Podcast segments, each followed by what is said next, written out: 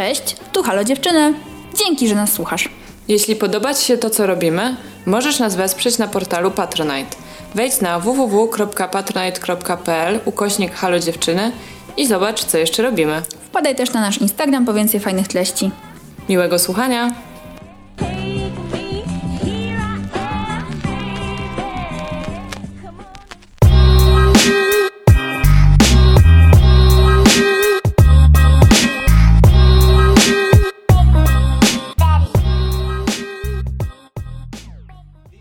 Cześć, ja jestem Zosia. Cześć, ja jestem Ula. To jest nasz podcast. Halo dziewczyny! Dzień dobry dziewczyny. Dzień dobry. Ja znowu mam wrażenie, że jakoś strasznie dawno nie nagrywałyśmy. Bo we dwie nie nagrywałyśmy już dłuższą chwilę. A, może Dlatego. właśnie dlatego. To dlatego. Mhm. Dzień dobry dziewczyny, dzień dobry nie dziewczyny. Witajcie na naszym e, kanale podcastowym Halo Dziewczyny. Nasze głosy są miłe i fajne, ale dzisiaj wjeżdża życiówka. Mm, Tak. Tematy, że- ale ja nie wiem, bo ja myślę, To jest że dobry temat. to jest dobry temat. Tak, temat wymyśliła Ula, jest to świetny temat, więc żeby już Wam tutaj nie budować tego napięcia, będziemy rozmawiały o zmienianiu zdania. Tak, rzeczy na temat których zmieniłyśmy zdanie. Jest ich trochę, musiałyśmy skrócić tą listę do jakichś takich top pięciu. Tak. Chyba tak, dokładnie pięciu. I e, każda z nas poda kilka swoich przykładów, a jeden będziemy miały wspólny. I co? Po prostu jedziemy z tym koksem. Jeszcze e, jest e, przez to, że jedna z moich ulubionych pisarek napisała książkę, właściwie jest to zbiór esejów pod tytułem Jak zmieniałam zdanie, to e, jestem jakoś tak bardzo, nie wiem, podekscytowana tym odcinkiem. Mhm. I y, dlaczego ten zbiór esejów się tak nazywa, może też powiem, bo jest to zbiór różnych tekstów napisany na przestrzeni kilku lat.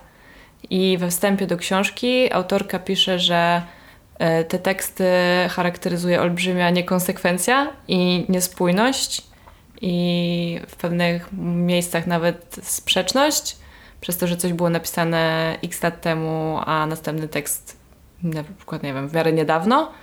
No i y, że to jest tak, tak naprawdę nieodłączna cecha czyjejkolwiek twórczości, że po prostu ona, mm, czy taka ważna dla, y, dla autorki cecha, że po prostu rzeczy się zmieniają, że opinie się zmieniają, że ty się zmieniasz, inaczej myślisz, inaczej piszesz, inaczej robisz, więc proszę bardzo, zmieniasz zdanie. Pochwała niekonsekwencji. Tak jest, dokładnie.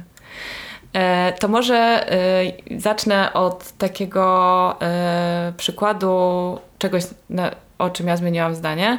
To było zmienianie zdania. Bang. Brzmi to bardzo, e, powiedzmy, nie wiem, jakoś tak pokrętnie, ale... Zaskoczone? Oby. Oby, ale wyjaśnię. Chodziło mi o to, że ja kiedyś uważałam, że nie powinno się zmieniać zdania. Że jak już masz jakąś opinię, to musisz się jej trzymać, inaczej jesteś hipokrytką. Mhm. I bardzo dużo czasu tak naprawdę zajęło mi zrozumienie, że zmiana zdania jest dobra. Generalnie wydaje mi się, że jest dobra. Em, no bo oznacza, że coś tam sobie przemyśleliśmy, przewartościowaliśmy. Ona się może innym nie podobać. Może się komuś nie podobać, że na przykład, nie wiem, zmieniłaś poglądy polityczne. Może się komuś nie podobać, że zmieniłaś, e, nie wiem, swoją tak jakąś ścieżkę kariery. Ale to jest Twoje zdanie i masz prawo się zmieniać, masz prawo po jakimś czasie być inną osobą. Więc kiedyś mi się wydawało, że zmiana zdania to jest przyznanie się do tego, że się myliliśmy.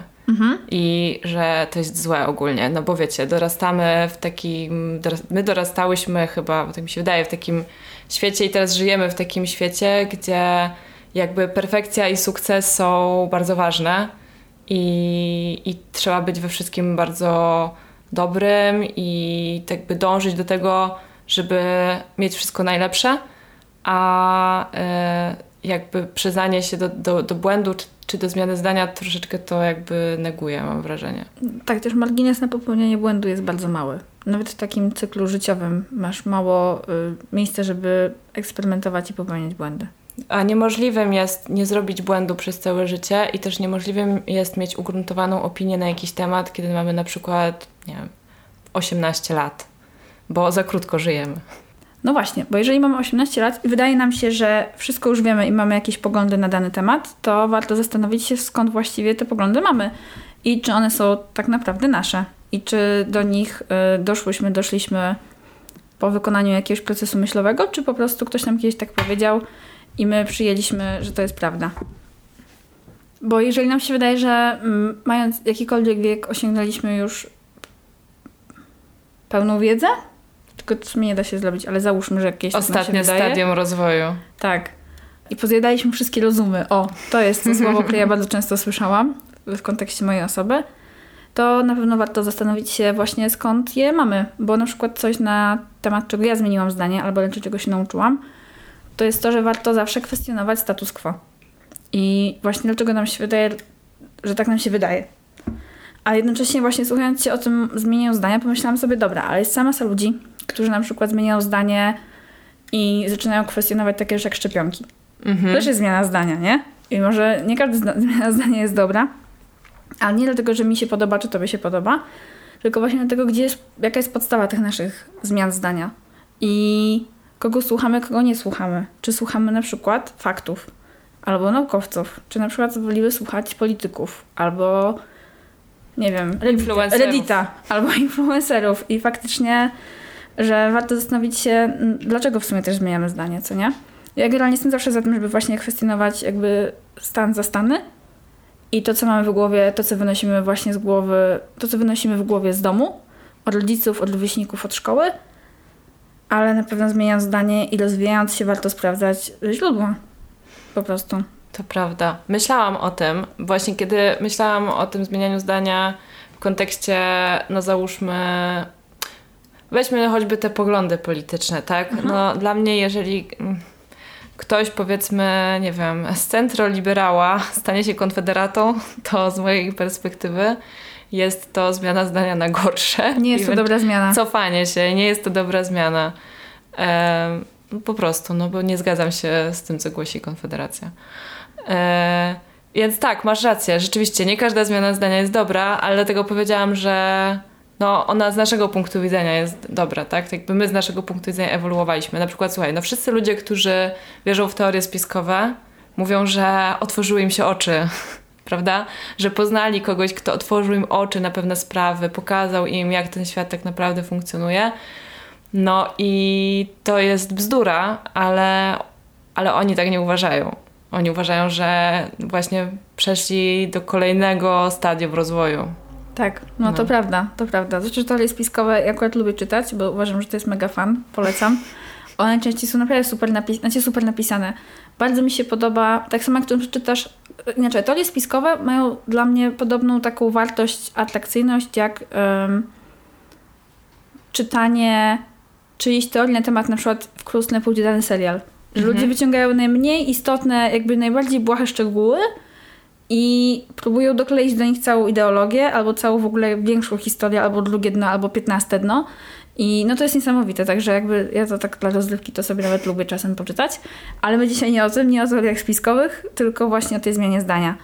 No, ym, taka rzecz, która bardzo znacząco się zmieniła w moim życiu, to jest podejście do samotności. My nagrałyśmy kiedyś odcinek o samotności, gdzie obydwie mówimy, jaka samotność jest y, fajna. No, ona jest czasem fajna, czasem nie fajna, ale zmiana polega na tym, że ja kiedyś uważałam, że samotność jest po prostu zła. I to za, zarówno w kontekście samotnego życia, to znaczy y, życia bez partnera bądź partnerki, jak i po prostu spędzania czasu samotnie. I mm, może powiem tak, kiedy byłam nastolatką, taką już późniejszą nastolatką, potem studentką, to uważałam, że jeżeli spędzam piątek w domu, to moje życie towarzyskie jest na wymarciu. To znaczy, że po prostu nie zadbałam o relacje, ludzie nie chcą mnie gdzieś zaprosić, jakby coś zrobiłam na pewno źle i muszę to poprawić, y, żeby nie spędzać sama piątku. Nie lubiłam spędzać czasu sama. Y, Zawsze uważałam, że po prostu moje miejsce jest wśród ludzi i że takimś takim też częściowo moim w ogóle, nie powiedziałabym nawet powołaniem, bo to brzmi tak górnolotnie, ale że trochę mm, takim, nie wiem, nurtem głównym w moim życiu jest y, rozmawianie z innymi i pomaganie moim znajomym, słuchanie o ich problemach. No i no tak, to się mało klei z samotnością. To się bardzo mało klei z samotnością. Byłam raz zmuszona do, y, do tego, żeby bardzo dużo czasu spędzić sama, kiedy wyprowadziłam się za granicę i siłą rzeczy po prostu nie miałam y, z kim rozmawiać często cały dzień. No i y, bardzo źle to znosiłam, a potem się do tego przyzwyczaiłam. No a potem już po powrocie do, do domu mm, zaczęłam to lubić. Mhm. E, kiedy już tę samotność mogłam sobie sama wygospodarować, a nie, on, nie, nie była mi ona narzucona z góry przez sytuację e, braku znajomych, braku rodziny w okolicy, e, to z czasem zaczęłam tego coraz bardziej potrzebować i zaczęłam coraz bardziej w ogóle wycofywać się z życia towarzyskiego. I to nie znaczy, że ja go nie mam, tylko że są takie okresy, to raczej idzie tak w dni, tygodnie, kiedy ja na przykład niespecjalnie mam ochotę spotykać się z ludźmi. Potem z kolei mam taki, takie trochę poczucie właśnie, że wiele osób zaniedbałam i że muszę to szybko nadrobić, bo, bo ci ludzie mi przypadną i, i moje przyjaźnie i znajomości mogą mi przepaść. Ale mm, bardzo ważne jest dla mnie to, żeby w tygodniu wygospodarować jakiś czas tylko dla mnie. Przed moim wyjazdem na urlop, mhm. jak byłam taka już po prostu zmęczona, przebodźcowana i, i właściwie z nikim mi się nie chciało gadać wtedy, jak już odpoczęłam, to zdałam sobie sprawę z tego, że przez e, ostatnie tam, nie wiem, dwa miesiące właściwie każdy dzień miałam jakoś tam zagospodarowany. Czyli pracowałam od poniedziałku do piątku od 9 do 17. Potem od razu miałam coś do zrobienia. Czy to było nagrywanie z tą podcastu, mhm. czy to było odwiedziny u rodziców, czy spotkanie z jakąś koleżanką, czy z moim chłopakiem, czy posprzątanie, jakby, jakby po prostu cały czas było coś. Ciągle coś. I po powrocie z urlopu po prostu postanowiłam, że będę miała takie dwa dni w tygodniu, kiedy nie będę miała żadnych planów. Y, poza tym, żeby trochę posiedzieć sama. Jak Więc, ci się udaje? No, tak sobie. Y, bo są okresy, kiedy tego się po prostu nie da zrobić. Tak, na przykład jest po prostu jakiś sezon urodzinowy i nagle wiesz, wszyscy mają urodziny i musisz gdzieś iść. Um, ja miałam urodziny na przykład ostatnio, musiałam no. na nie pójść. Muszę się zorganizować nawet. Tak, a, ale mm, wiesz co, no jakby kiedy już sobie wygospodaruję ten czas dla siebie i tego pilnuję, żeby on był, to potem właściwie czuję się stęskniona za ludźmi i bardzo mam ochotę z nimi być, bo mhm. jakby zaspokoiłam tą potrzebę e, tak, potrzebę pobycia chwilę e, sama ze sobą. No i to mm, ty mnie nie znałaś tak dawno temu, ale moi rodzice na pewno by powiedzieli, że jest to bardzo duża zmiana, bo ja byłam osobą, która, jak to moja mama mówiła, wieszała się dla towarzystwa i um, uważałam, że bez y, grupy, bez innych ja po prostu nie istnieję. I jeżeli inni mnie nie akceptują, jakby nie czuję, że jestem częścią jakiejś grupy, e, to tak naprawdę nie jestem za dużo warta, że ta akceptacja jest po prostu najważniejsza, wszystko inne jest na drugim miejscu. Twoje własne osiągnięcia, twoje własne ambicje, po prostu muszą cię lubić ludzie, żeby ci się dobrze żyło. Hmm. Um, no i po pierwsze okazało się, że jak już cię lub, lu, ludzie lubią, to nie musisz z nimi spędzać czasu. Nie trzeba ciągle zabiegać e, o ich względy. Tak, non stop. Też oni e, zabiegają czasem o twoje względy, a nie tylko ty o ich względy. A poza tym, że nie potrzebujesz aż tylu osób, żeby czuć się dobrze sama ze sobą po prostu. Tak, chociaż dla mnie to jest dalej dziwne, jak ludzie chcą ze mną spędzać czas. Ja zapominam, że to może być fajne dla nich, ale yy, wiesz, ja jestem osobą, która absolutnie, samo, absolutnie celowo i samotnie spędziła w tym roku Sylwestra, w sensie w zeszłym. Mhm. To wiem, że się spotkało z zaintrygowaniem, to nie jest właściwe słowo, na pewno ze zdziwionymi spojrzeniami i podnoszeniem brwi, polecam, jak ktoś ma ochotę raz w roku coś takiego zrobić, w sensie raz w życiu, może niekoniecznie raz w roku, bo kolejnego Sylwestra właśnie tym bardziej chętnie z kimś spędzę. Z jakąś grupą najchętniej, tak jak powiedziałaś. Ale mm, to jest trochę ciężkie, że właśnie... Znaczy, na przykład ja, ja rozumiem to... Um, może nie uzależnienie od innych ludzi, ale na przykład ja mam coś takiego, że bardzo łatwo przedkładam potrzeby innych osób albo grup właśnie nad swoje i nad swój czas. Ja kiedy mam takie tygodnie, że jestem ciągle, że tak powiem, zarobiona bo pracuję, ale też jeszcze właśnie są inne osoby i tak dalej. Ja mega się cieszę, jak się z nimi widzę i po prostu mega dużo mi to daje. To po takich dwóch tygodniach czuję, że gdzieś właśnie w sumie nie wiem o co mi chodzi. No tak, bo to, to jest dokładnie to uczucie. Tak, gdzie się podziałam ja. I nie miałam kiedyś takiego problemu. Mm, Myślę też dlatego, że jako jednaczka byłam przyzwyczajona do tego, że dużo czasu spędzam sama i jakby lubię swoje towarzystwo. Ale y, to jest na pewno coś, czym muszę sobie podealować teraz. A to jest ciekawe zmieniać zdanie na taki temat. To jest bardzo fajne w sumie. Wiesz, no ja uważałam, że kiedy, że, że fakt, że jestem sama, to znaczy, że Nie ktoś nie, macie. chce, nie, że, tak, że inni nie chcą ze mną spędzać czasu. Więc yy, to też po prostu już nie tylko jest kwestia zmiany zdania na temat samotności i tego, czy ona jest spoko, czy nie, ale w ogóle em, jakby własnej jakby samooceny. Tak, własnej zmiana zdania na temat własnej wartości. Poza tym jeszcze e, bardzo długo uważałam, i to nie jest moja wina, bo tak e, świat nas trochę, nie wiem, takie komunikaty dostajemy zewsząd, że życie w samotności, to znaczy, nie wiem, można nazwać singielstwie, po prostu, nie wiem, wy... może być singielstwo, e, jest e, czymś gorszym niż życie w parze. Tak, czymś mniej wartym. Czy jak ci nie udało ci się z kimś sparować, to pewnie coś To, jest że- z tobą nie tak, generalnie. Nikt cię nie chce. E, Albo coś jest z tobą nie tak, a potem łagodniejsza wersja, nie ułożyłaś sobie życia. I mm, nie brałam e, wtedy, jak byłam młodsza, pod uwagę tego, że to jest sposób na ułożenie sobie życia. To znaczy, że ktoś może albo tak wybrać, albo po na przykład różnych nieudanych próbach zobaczyć, że hej, właściwie moje własne towarzystwo i ślub z samą sobą to jest najlepszy pomysł, na jaki mogłam wpaść i że właściwie tylko na sobie na przykład mogę polegać w takim stopniu, żeby e, dzielić życie faktycznie. Mm, I poza tym, że jakby jest coś takiego, że no jednak ludzie jakoś tam w miarę naturalnie dążą do tego, żeby być w związkach. Tylko y, to nie znaczy, że to jest lepsze od bycia Nie w związku. Nie w związku, po prostu. Tak, i to, to jest na przykład coś, na co trzeba, wydaje mi się, otworzyć właśnie perspektywę albo zmienić zdanie. Czyli jak y, właśnie dorastając słuchasz, że twoja przyszłość jako kobiety, w moim wypadku, to jest posiadanie dzieci O, no. i męża Mhm. i może domu z ogrodem, albo tam wiecie, albo z perspektywy męskiej. Czy z ogrodnikiem? Zasać, no to tego, tego jest najbliżej z tego wszystkiego. Patrzę na mój dom, ale... Albo właśnie z perspektywy męskiej. y, Dziecko, drzewo, dom, Mhm. tak?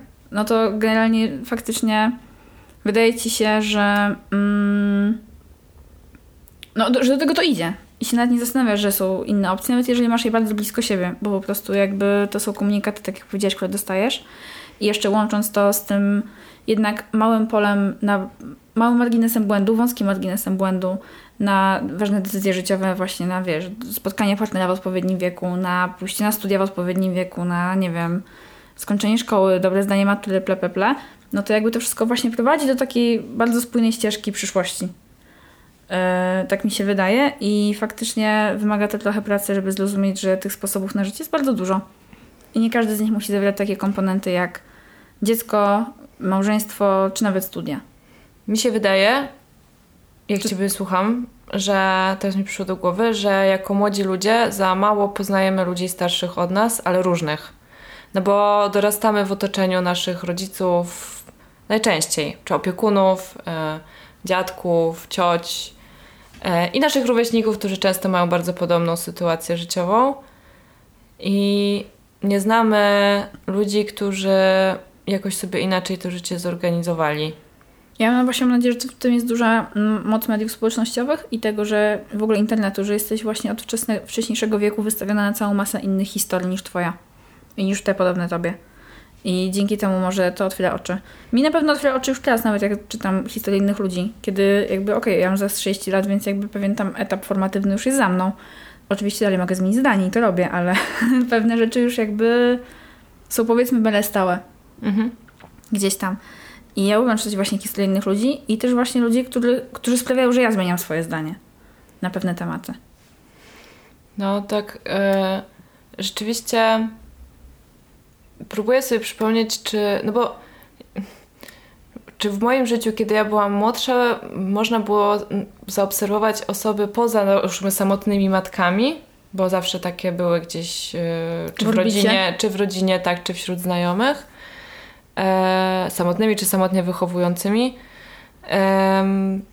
Czy jakby był ktoś, kto wiódł swoje życie w jakiś taki totalnie inny sposób. Nie było za wiele takich osób. Poza moją babcią, która w sumie jest e, artystką, więc nie ma takiego zawodu od do, jak większość ludzi, których znałam jako dziecko. Natomiast to jakby nie było coś, co mnie uderzało jako inny styl życia wtedy. No to Bo- była twoja babcia. bo inna to była moja apteka, babcia, Nie? tak. To jest absolutnie normalne, co robi twoja babcia. Nawet jeśli nie jest, Nawet powiedzmy. jeśli nie jest. Ale ponieważ łączył was więzy krwi, to i się lubiły, tak, lubicie, kochacie, to ewidentnie jakby to jest akceptowalne jako coś normalnego. Ja też na przykład nie wiedziałam, że wszystkie babci nie mają laboratoriów chemicznych, a potem się Mhm. dowiedziałam, że faktycznie to jest raczej rzadki case. No, generalnie tak, jak nie wiem, jak dorastamy, no to zawsze, tak jak sama powiedziałaś, jakby jest mały ten margines y, na popełnianie, na popełnianie błędów, plus wydaje się właśnie, że tych dróg jest stosunkowo niewiele. I jeszcze może ym, często się to rozdzielało, przynajmniej tak jak ja to pamiętam, że albo masz y, super pracę i w ogóle robisz karierę, zarabiasz dużo pieniędzy, albo masz rodzinę.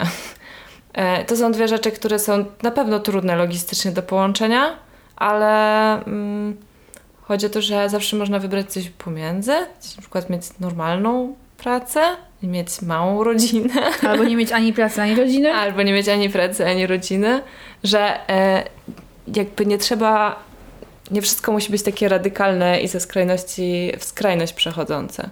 No i to jest wspaniałe odkrycie. To jest bardzo wyzwalające odkrycie, zwłaszcza jeśli jesteście w takim wieku, kiedy macie poczucie, że decyzje, które podejmiecie teraz zaważą na całym waszym życiu i tak się bardzo często czujemy, kiedy idziemy na studia albo kiedy idziemy do pierwszej pracy, mm, czy nawet do kolejnej już pracy, bo często pracę zmieniamy, to, to jest bardzo stresujące i to jest bardzo nieprzyjemne, ale zobaczenie, że jest w życiu tyle różnych dróg i jest tyle, jest po prostu każdy człowiek to jest inna, osobna historia i nie ma dwóch takich samych. Ja myślę, że to może być takim delikatnym pocieszeniem, kiedy podejmujecie taką ważną decyzję, że masz, właśnie wy możecie zmienić zdanie. Tak, na każdym etapie. To jest bardzo wyzwalające i, i, i dobre. E, To nie zawsze jest łatwe, ta zmiana zdania, czy, czy, czy zmiana, nie wiem, kursu obranego w życiu, ale to nie jest niemożliwe. Najczęściej nie jest łatwe. Wymaga wysiłku. To czasem to przypadek za ciebie decyduje, Tak, czasem jakieś na przykład zdarzenie w twoim życiu może zdecydować o tym, że zmieniasz zdanie. ale tak, oczywiście, jeżeli to jest z premedytacją, to jest to trudne. Mm, Tylko, że bez tego trochę szkoda żyć chyba. Bez zmiany zdecydowanie. Zmiana jedną pewną rzeczą w życiu. I podatki. E, właśnie myślę sobie szczerze w kontekście tej przyszłości i tak dalej, to jakby też przez to, że mówmy się, mamy boom technologiczny, świat idzie w takim kierunku, że nikt tego nie przewidzi. Nie wierzcie nikomu, kto wam mówi, jak będzie wyglądał potem świat, bo tak naprawdę nikt tego nie wie. To będziecie się zmieniać jeszcze bardzo, bardzo wiele razy i ja mam nadzieję też. Ale właśnie w kontekście tego, co nam świat obiecuje o czym mówi, to takim tematem, na który ja zmieniam zdanie i to dla mnie właśnie był trudna, dla mnie to właśnie był duży wysiłek i trudna praca, to był temat obietnic.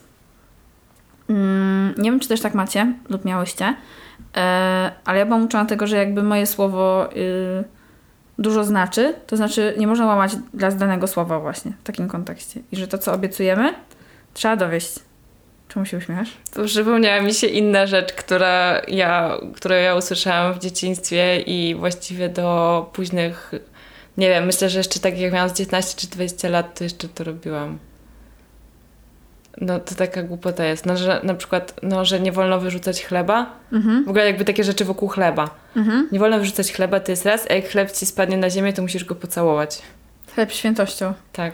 Gdzieś to mam wrażenie, że leży obok e, tego tematu, który ja chcę zaczepić. No właśnie, dlatego się, uś... dlatego się uśmiecham. Tak, tematu świętości, bo e, być może jeżeli ktoś z Was przystępował kiedyś do pierwszej komunii świętej, ja kiedyś miałam taki case, że zostałam przystąpiona. To nie, nie było do końca z mojej własnej woli. Chociaż nie mówmy się, byłam podjarana. Dostajesz białą kieskę, uczysz się Mhm. modlić, dostajesz z tego piątkę. No jakby elementem tego wszystkiego była obietnica dla Jezuska, że nie będziesz palić szlugów i, i pić alkoholu do 18 roku życia. Czemu Jezus chciałby akurat coś takiego? I jakby to, co chciał Jezus, było bardzo zgodne z... Ewangelią. Też, ale generalnie chciałam powiedzieć, że generalnie z polskim prawem. Jestem, jak dzisiaj o tym myślę, jestem w szoku, że Jezus był tak dogadany z polskim systemem prawnym, ale ja słuchajcie, dostałam taką karteczkę do podpisania. Pamiętam, jak ona wyglądała. Po prostu było, było miejsce na imię, nazwisko. Właśnie potem była ta formułka, że obiecujesz, że będziesz coś tam, coś tam. I był taki rysunek Jezuska i taki rysunek takiego chłopca, który tam się do niego modli. I ja, yy, no słuchajcie, no, jeżeli człowiek coś obiecuje, to tego nie łamie.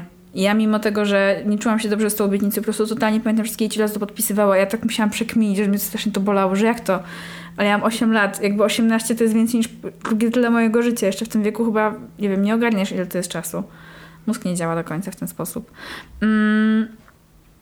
No i jakby to było, słuchajcie, takie bardzo głupie, dziwne wydarzenie z życia. E, które zaczęło coś na, na, tej mojej bani zmieniać. Ja to podpisałam, ten świstek i faktycznie nie paliłam szlugów i nie, nie piłam alkoholu do 18 roku życia. Co nie uważam, że było dobrą decyzją. Zmieniłam zdanie na ten temat. Dzisiaj bym zaczęła wcześniej. E, ale niestety to się już nie wydarzy. Ooh, girl, to możemy zaraz o tym porozmawiać. Ale słuchajcie, to był taki moment, że naprawdę do tamtego momentu myślałam, że już jak raz coś obiecasz, to w ogóle nigdy nie możesz się z tego wycofać. I zawsze trzeba dowieść i zawsze właśnie słowo to świętość i nie możesz złamać obietnicy. Że to jest w ogóle najgorsze, co możesz zrobić. I miałam przez to, słuchajcie, strasznie duży problem w ogóle właśnie z tematem ślubu. Ja w ogóle nie kumałam, jak ci ludzie mogą mówić, że w ogóle aż po grób i do, nie wiem, zdrowiu, w chorobie, coś tam. Przecież jak oni raz to obiecają, no to już nie mogą z tego wycofać. To już trzeba po prostu jechać po grubości do końca. Powiedz to wszystkim piosenkarkom, aktorkom, aktorom, celebrytom, którzy, wiesz, biorą ślub w Vegas na tydzień. A, no rozumiem tą atrakcję. Ostatnio widziałam, że ten y, Lilian wzięła ślub w Vegas, ale tak, sorry, to nie jest istotne.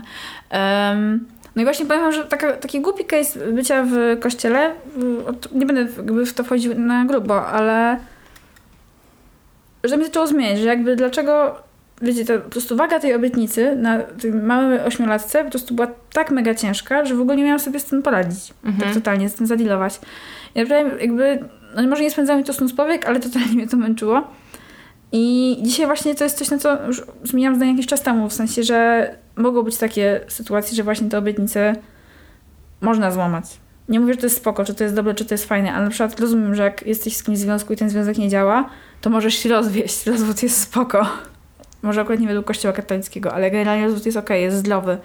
I jest cała właśnie masa takich obietnic, albo nawet planów, co nie? Jakieś miałam tak, że wiesz, zobowiązałam się do jakiegoś planu i ja bym, ja bym prędzej rękę odcięła, niż bym coś zmieniła, no nie? Ja mhm. się zobowiązałam, że coś zrobię, no to przecież nie może być inaczej. I to część, część z tych rzeczy jeszcze jak pewnie mm, widać w moim życiu została. Ciężko jest mi się, jakby ja rzadko odwołuję plany i jak ktoś mi o coś prosi, najczęściej to robię, ale mimo wszystko no to był taki dziwny, dziwny temat, z którym miałam problem przez bardzo dużo czasu. Mm, ja nie z powodu kościoła, ale też miałam... Y może nie kwestia obietnicy, takiego, że obiecuję solennie, że, tylko raczej właśnie zobowiązania. Mhm. I nie chcę jakoś tak bardzo dużo gadać, bo niedługo będziemy nagrywać o tym inny odcinek, ale rzeczywiście tak miałam, że miałam poczucie, że z jakby z różnych zobowiązań podjętych, czy to, czy to wobec rodziny, czy to wobec szkoły, czy pracy, właśnie nie należy się e, wycofywać. Co, że nie możesz zmienić zdania. Co jest y, nieżyciowe kompletnie, bo, y, bo wiecie, bo to by oznaczało, że jesteśmy skazani na rzeczy, które nam nie, nie pasują. Mhm na bycie w miejscu, które nam się nie podoba, czy wykonywanie jakiejś pracy, która nas nie interesuje kompletnie, ale że nie możemy się z tego wymiksować. I tak jak powiedziałaś, czy nie możemy wyjść e, z jakiegoś złego, patologicznego związku na przykład. Albo niekoniecznie patologicznego, po prostu takiego, który no, się nie udał. No zmieniliśmy zdanie, jednak nie po grup. Dokładnie. Właśnie tak jak teraz o tym mówisz, to pokazuje mi to, jak bardzo nie jesteśmy uczeni w sumie, albo my nie byłyśmy uczone elastyczności. Mhm. Takiego, że generalnie jakby jak nie jest ci dobrze, to trzeba coś zmienić. I że nie warto trwać w pewnych rzeczach. Czy to jest, nie wiem, szkoła, związek, czy to jest nawet, nie wiem, kurde, pójście na kawę z kimś, z kim nie chcesz się spotkać. Nawet z taką głupotą, albo nie wiem, cokolwiek. Że, że faktycznie nie, jakby ta elastyczność to jest coś, na czego ja na przykład musiałam się nauczyć. Że nie wolno odmawiać. Ja powiem wam, że dosyć niedawno się nauczyłam odmawiać pójścia gdzieś spotkania się z kimś właśnie. Albo odwoływać. Nawet już byłam umówiona, ale stwierdziłam, że jednak, nie wiem, że się źle czuję albo że po prostu nie jestem w nastroju na spotkanie i nauczyłam się odwoływać spotkania. Ale to zajęło mi bardzo dużo czasu. Zawsze uważałam, że to jest po prostu niefajne, mhm. niemiłe to mhm. jest. No tak samo też nie, nie, nie lubiłabyś pewnie być postawiona w tej sytuacji, więc nie chcesz tak robić innym, co nie? Nie lub bliźniemu, co tobie nie miłe. Gdzieś ten kościół nas tutaj po prostu dręczy. Tutaj, jak ja mówiłam o tych no. singlach, to Ula się tutaj uśmiechała jednym kącikiem. On jeszcze wróci, słuchajcie, nie chcę wam spoilować, ale on jeszcze gdzieś tam wróci pewnie w tym odcinku. Kiedyś, kiedyś będziemy w ogóle musiały podjąć temat kościoła prawdopodobnie. No jak dalej będzie słuchać, no tak, temat ideologii singli i wszystkiego innego zaraz jak ktoś dorzuci do pieca, to coś tam wybuchnie. To jest jednak, kurde, taka obsesyjna grupa, nie? Ale bo, wiesz, ten przykład, który ty podajesz, i tak już abstrahując, to w ogóle jest po prostu właśnie strasznie nie fair co, co się robi dzieciom ośmioletnim, które przystępują do komunii. Planie mózgu, no. Ja, co prawda, nie wiem, ja nie musiałam podpisywać jakichś takich e, lojalek, e, że już jakby do tej osiemnastki, czy do kiedykolwiek czegoś nie zrobię. Wiem, że harcerze mają takie przysięgi, ale ja nigdy nie byłam w harcerstwie. Wiem też, że je notorycznie łamią. To wiem od ludzi, którzy byli w harcerstwie. Natomiast... Natomiast cała ta sytuacja wokół tej komunii i ta spowiedź i to, że potem trzeba było do niej niby chodzić co miesiąc, dlaczego akurat co miesiąc? E, I spowiadać się z tego, że się, nie wiem, nie umyło zębów, to wszystko było jakieś takie, nie, się nie posłuchało swojej mamy. Jakby w pewnym momencie nieposłuchanie się swojej mamy czynicie osobnym bytem. Tak, jeżeli twoje niezależną tak, istotą. Tak, jeżeli twoje dzieci nie zapewniają ci tego od startu, to w którymś momencie, tak, między innymi yy, secesja musi się wydarzyć po prostu. Więc y, to, to jest takie, no nie wiem, no to jest po prostu takie frustrujące i, bu i buntujące. Zwłaszcza, że tak jak ty mówiłaś o tym statusie quo, dla mnie to był kiedyś totalny status quo, w sensie, że no dobra, no tak jest, tak? Raz w miesiącu chodzi się do tej spowiedzi. Ale dlaczego? Um, żeby e, pójść do komunii, trzeba pójść do spowiedzi i różne tam takie rzeczy. Tak, to będzie ciekawy odcinek, jak kiedyś nagramy. Jak nie pójdziesz do kościoła w niedzielę, to Panu Jezusowi będzie smutno. No słuchaj, Jezusowi byłoby smutno, gdybym zajęła szluga przed osiemnastką, więc bardzo się starałam nie zrobić mu tej przykrości, mm. nawet jak już w niego nie wierzyłam, mając 15 lat. A ja mam wrażenie, że w ogóle, już kończąc ten temat, um, tak, ludzie jakoś totalnie przeinaczyli tego, co Jezus by chciał. Znaczy, generalnie wiesz, wracając jakby do akurat tej sytuacji kościoła, jaką mamy, tak to jest jak jakaś grupa myśli, że ma monopol na wiedzę i nie lubi zmieniać zdania. Nie, totalnie. No, I nie ma dużej elastyczności. Chociaż ponoć sukces tej instytucji polega na tym, że oni właśnie niezbyt często zmieniają zdanie.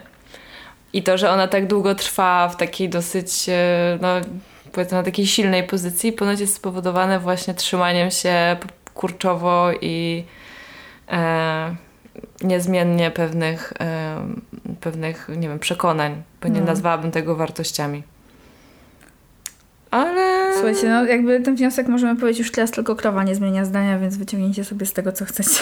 Właściwie od kiedy to mi powiedziałaś, już nie pamiętam kiedy, ale kilka miesięcy temu w jakiejś naszej rozmowie mi to powiedziałaś, ja to bardzo często powtarzam. Bo to jest świetne, świetne określenie. Że tylko krowa nie że zmienia tylko zdania? Tak, znaczy nie określenie, to jest świetne powiedzenie, że tylko krowa nie zmienia zdania. To nie jest do końca zgodne z prawdą, bo myślę, że jeszcze zając nie zmienia zdania i kura nie zmienia zdania. Ale tak, załóżmy, że krowa reprezentuje cały świat zwierzęcy, krowa w końcu faunę. bywa święta. No. No. Dobra, bo słuchajcie, powiem wam tak, jak tylko zaczęłyśmy z Zosiu gadać o tym odcinku i totalnie zbiłyśmy pierwszy pomysł, o czym chcemy powiedzieć, to nie było to właśnie o samotności czy o czymś, w sensie to też są ważne rzeczy, ale totalnie Uważam, że to jest znamienne, że i u ciebie i u mnie to była pierwsza, czyli temat, na jaki zmieniłyśmy zdanie, to... Aborcja. Tak. No słuchajcie, to jest właśnie coś, co mi się wydaje, że totalnie u mnie się przynajmniej wiąże z tym statusem quo i zastanowieniem się jakby, kto to ustalił i w sumie dlaczego, bo kiedy ja dorastałam, no to jakby krótko po moich urodzinach powstał ten kompromis aborcyjny, w sensie, że możesz pozbawić, no jakby możesz dokonać aborcji tylko w tych trzech legalnych przypadkach, poza tym jest to nielegalne. E, I powiem wam, że mi się przez najdłuższy czas wydawało, że to jest ok. Zwłaszcza gdy stałam jeszcze w ogóle zanim, jeszcze w ogóle w tym wieku zanim uprawiasz seks, to w ogóle sobie jakby nie zdajesz, wydaje mi się, sprawy z bardzo wielu rzeczy. E, więc jakby ci się wydaje, że w sumie na pewno osoba, która chce popełnić tą nielegalną aborcję, to musiała być jej wina. Albo w sensie przynajmniej musiała nie uważać, albo nie dopilnować. Przecież jest tyle sposobów na zabezpieczenie się, bo tu jeszcze taki disclaimer dla Was. Ja generalnie byłam bardzo zainteresowana wiedzą o seksie od najmłodszych lat i bardzo lubiłam się na ten temat też dowiadywać. Więc ja dzięki własnej pracy i czytaniu bardzo dużej ilości książek i artykułów, też takich, których nie powinny może trafić w moje ręce, generalnie wiedziałam, ile jest metod na zabezpieczenie się właśnie przed taką niechcianą ciążą. Mhm.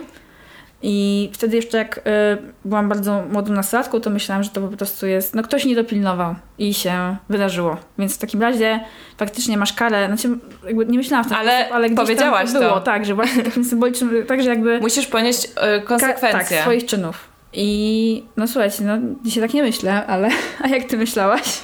Ja y, myślałam trochę podobnie do ciebie, że po pierwsze, y, poza kwestią zabezpieczania się, to w ogóle jeszcze mm, uważałam, że skoro już decydujesz się na seks z kimś, to musisz gdzieś z tyłu głowy mieć to przeświadczenie, że może z tego być dziecko, więc y, też to ma być taki jakby trochę hamulec dla ciebie i wskazówka do tego, żeby sobie mm, bardzo rozsądnie, z namysłem i powoli tych partnerów dobierać. Mhm. I w skrócie, żeby nie sypiać z kim popadnie.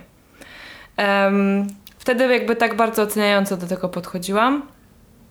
Miałam taką sytuację, że poznałam kobietę, która miała córkę, ma córkę nadal i e, już nie pamiętam w jakiej sytuacji, ale ona mi powiedziała, że jej partner chciał, żeby ona tę ciążę usunęła. E, I ona nawet jakieś tam zrobiła do tego podejście, gdzieś poszła po jakąś radę, ktoś jej doradził. Teraz wiem, że mm, niezbyt fajnie po prostu jej wjechał tak naprawdę na sumienie, e, ale też powiedział jej, że e, to jakby spowoduje u niej ciężką depresję, jak ona e, tę mm, aborcję będzie miała. No i ona się zdecydowała tego, tej ciąży nie usunąć i ja poznałam jej córkę. E, No i wtedy miałam takie poczucie, że wow, w ogóle przecież gdyby ona tę ciążę usunęła, to w ogóle tego dziecka by nie było i na przykład poznałybyśmy się, ale siedziałybyśmy tutaj same, albo w ogóle byśmy się nie poznały. No jakby zaczęłam mieć takie, że kurczę, no, że to jest po prostu, no wiecie, no, że taki naoczny przykład, tak? Jest człowiek, a mogło go w ogóle nie być. No, y, zmieniłam zdanie, kiedy y, po pierwsze też y, sama zaczęłam się bać ciąży, y, wiadomo, ale po drugie też, kiedy moja koleżanka miała do czynienia z podziemiem aborcyjnym i mi o nim opowiedziała. I wtedy zrozumiałam, że to jest po prostu nieludzkie. I że mm, aborcji nie powinno się w ogóle rozpatrywać w kategorii czegoś dobrego albo złego A tym bardziej w kategorii kary. A tym bardziej w kategorii kary i ponoszenia konsekwencji za swoje czyny, e, a przecież same dobrze wiemy, że to nie zawsze jakby jest tak, że mm, ktoś nie uważał. tak, go po prostu czasem metoda antykoncepcji nie zadziała. Czasem e, ciąża jest wynikiem gwałtu. Jest wiele, jakby, no, jest wiele różnych sytuacji i, i to nie zawsze odpowiedzialność spoczywa, a przede wszystkim jeszcze ta nasza teoria o tym, że wtedy, że ten kompromis aborcyjny jest ok i że trzeba ponosić odpowiedzialność za swoje czyny, zauważ, że skupiała się głównie na kobiecie. No i właśnie mi się wydaje, że dlatego ja tak myślałam, bo byłam, wiesz, w sensie jako dziewczynka i kobieta młoda, yy, wiesz, twoje ciało, twoja sprawa, tylko właśnie nie w takim kontekście wolnościowym, tylko w takim kontekście przespałaś się z kimś, Musisz to stara, ogarnąć. to jest twój problem. Mhm. I jakby właśnie nie ma żadnego partnerstwa w tym, tak? Żadnej drugiej osoby w tym nagle nie ma, tylko jesteś ty i ta ciąża. Która nie wiadomo w ogóle skąd się wzięła. No wiadomo, z powietrza. No, Tajemniczy brzuch, który tak, urósł gdzieś. No, Jak Maryjka. no, jak Maryjka, tak? Ale y, teraz, teraz właśnie myślałam, że właśnie wiesz, w sensie, y, że to jest taki jakby taki komunikat do kobiet, tak? Że to jest właśnie twoja sprawa, twoje ciało, że ty musisz y, jakby wiesz. Y, zdecydowałaś się? Proszę bardzo, tak? Teraz to jest twoja Że to w sprawa. ogóle jest decyzja, nie? Oczywiście, że nie jest, a ja wtedy miałam za mało wiedzy, no i do tego wiecie, wtedy mi się jeszcze wydawało, że no ale przecież y, na pewno jak będzie dużo, dużo dobrej edukacji seksualnej, y, to nie będzie problemu. Tak, albo ten problem się zminimalizuje. No ale w sensie, ja nie, przykład musiałam zrozumieć, że nie każdy był tematem tak zainteresowany jak ja i szukał tak informacji, też się na przykład nie wstydził. szukać takich informacji, bo wtedy no to tam wymagało trochę powiedzmy pracy. Mm, I kurde, no to jakby to był jeden taki case, a drugi to był oczywiście taki case bardzo osobisty, kiedy ja miałam taką sytuację, bo ja na przykład się panicznie bałam ciąży. W sensie w ogóle nie. I nie chciałam ciąży tym bardziej i ja wiedziałam, że jestem w takiej sytuacji, że e, zawsze, od pewnego momentu oczywiście, zawsze już miałam odłożony ten hajs praktycznie, żeby pojechać do Czech. Ale raz tak się zdarzyło, że e, nie miałam takiego hajsu Mhm. i miałam taką sytuację, że e, nie miałam podejrzenia, że jestem w ciąży, ale po prostu bardzo chciałam uzyskać tabletkę pokój. A wtedy akurat w tamtym momencie w Polsce była tylko na receptę. E, I jeżeli kiedykolwiek ktoś z Was miała z tym do czynienia, to wiecie, że to jest strasznie kompromitujące i jest strasznie, jest taka głupia sprawa. Jest to legalne, jakby jest to teoretycznie dla Ciebie dostępne, ale musisz się naskakać po prostu przez koła, jeżeli chcesz dostać jedną głupią pastylkę. E, I jakby oceniają Cię wszyscy. Od lekarza po panią z apteki, już mówiąc o tym, że teraz jest w ogóle klauzula sumienia w Polsce ktoś Ci może tego odmówić. Mhm. E, Plus lek nie jest wcale dostępny w wielu aptekach. tak. I oczywiście no też kosztuje hajs, tak? Więc czasami jak mam na przykład 120 zł, to okej, dzisiaj spoko, ale jakbym miała na przykład 18 lat, to może nie zawsze. Prosta sprawa. No więc generalnie tak, jakby osobiste przeżycia plus właśnie rozumienie tego, że dlaczego ciężar spoczywa na mnie jako na kobiecie, dlaczego społeczeństwo jednak jakoś tak od małego nas bombarduje tymi komunikatami, tego uczy, albo przynajmniej do takiej roli przygotowuje, no ale właśnie nie przygotowuje, tylko generalnie dostajesz cały pakiet, łącznie z byciem kobietą, proszę bardzo, twoja wina, ty się starasz. Tak samo zresztą przy gwałcie, tak? No przecież mówimy o ofiarach gwałtu, mówimy o ofiarach gwałtu, a nie o gwałcicielach, tak? Nie mówimy o tym, jak... y, u, mówimy, o- tym, jak ustrzec się przed gwałtem, a nie jak przed tym, żeby zminimalizować liczbę gwałcicieli. Y, No więc tak, jest to bardzo poważny temat. Ja się bardzo cieszę, zmieniam zdanie na temat aborcji. Mm, Uważam, że powinna być jak najbardziej dostępna zawsze bezpiecznie dla wszystkich i no i tyle, no. Ja też się cieszę, że zmieniałam zdanie na ten temat. Em, nie jest mi wstyd, że kiedyś myślałam inaczej, bo, bo, nie, bo to nie ma sensu. Właśnie, no tak, też nigdy nie miałam, jakby nikomu źle nie życzyłam.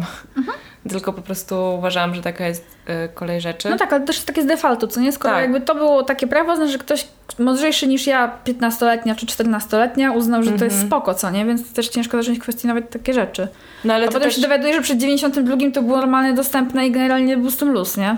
te, też y, jakby już mm, no, jakby znowu wracamy do tego status quo kwestionowanego, tak, że, em, że w ogóle sam fakt, że jest jakieś prawo nie oznacza, że ono jest dobre albo sprawiedliwe.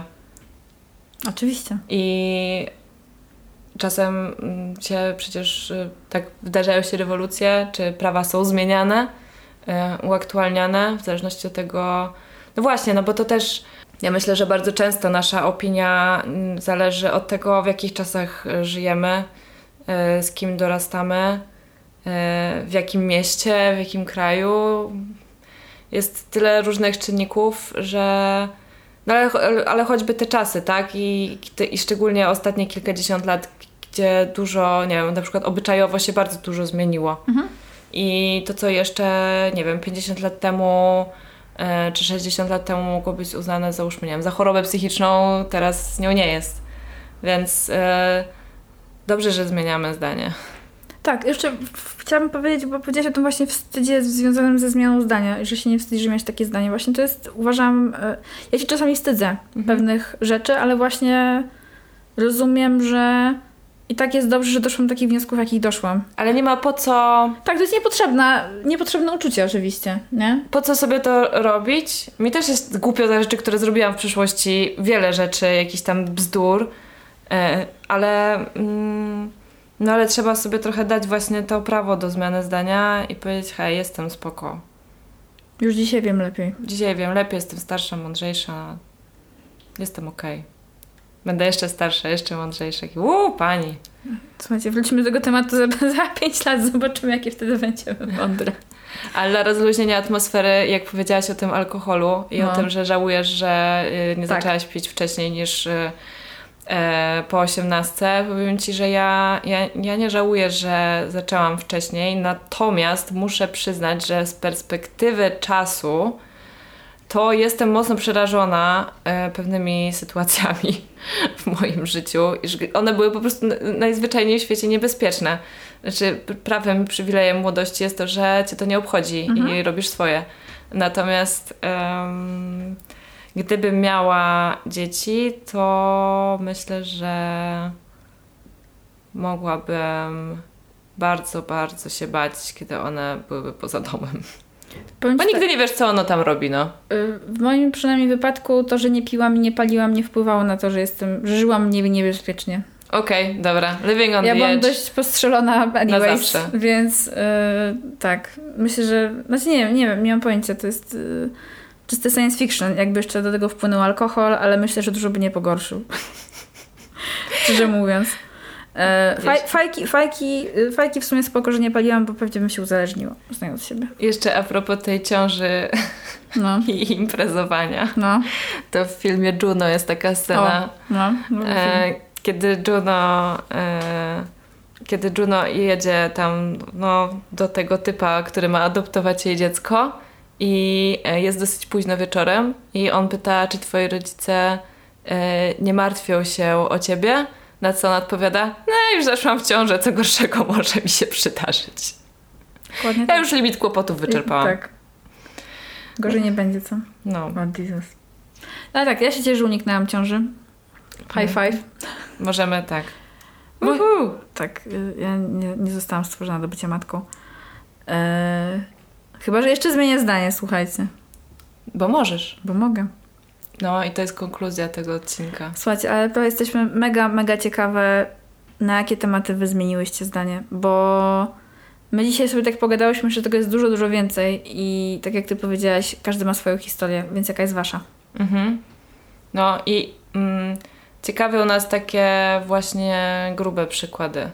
Bo Bo wiecie, ja zmieniłam zdanie na temat picia kawy bez mleka, tak? Ale jakby tak, a ja, na tem- a ja na temat sushi. Tylko chodzi nam właśnie o takie rzeczy, które rzeczywiście sprawiły, że wasze życie zaczęło się może nie inaczej toczyć, ale na przykład zaczęliście inaczej myśleć o różnych rzeczach albo inaczej się odnosić do ludzi. To są ciekawe, to są ciekawe rzeczy. Nas to kręci. Jakbyście się chciały i chcieli podzielić, to piszcie do nas na halodziewczynymałpa.gmail.com Możecie do nas napisać również na naszym Instagramie bądź Facebooku. No. Mm, Będzie nam bardzo miło, jeżeli po odsłuchaniu tego odcinka i teraz uwaga, ząg zmiana, wejdźcie na patronite.pl ukośnik halo dziewczyny, bo jeżeli lubicie to, co mówimy i to, co robimy, to znajdziecie tam parę dodatkowych, fajnych opcji, którym się możecie przysłużyć, a nas uszczęśliwić Oj, tak. i pomóc nam kontynuować. Show me the money. Tak jest, ale pomóc też nam po prostu dalej tworzyć to, co tworzymy, bo chcemy tego robić więcej. Jeżeli podoba Wam się to, co my robimy, to bardzo prosimy, polećcie to komuś. Najlepiej za pośrednictwem Instagrama, ale może być też ustnie, może być też pocztą, gołębią, whatever. Niech grono naszych słuchaczek oraz słuchaczy poszerza się w nieskończoność. Tak Ha. jest, doskonale będzie to zobaczyć. No, to co? Trzymajcie się i do następnego. Cześć! Pa! Come on.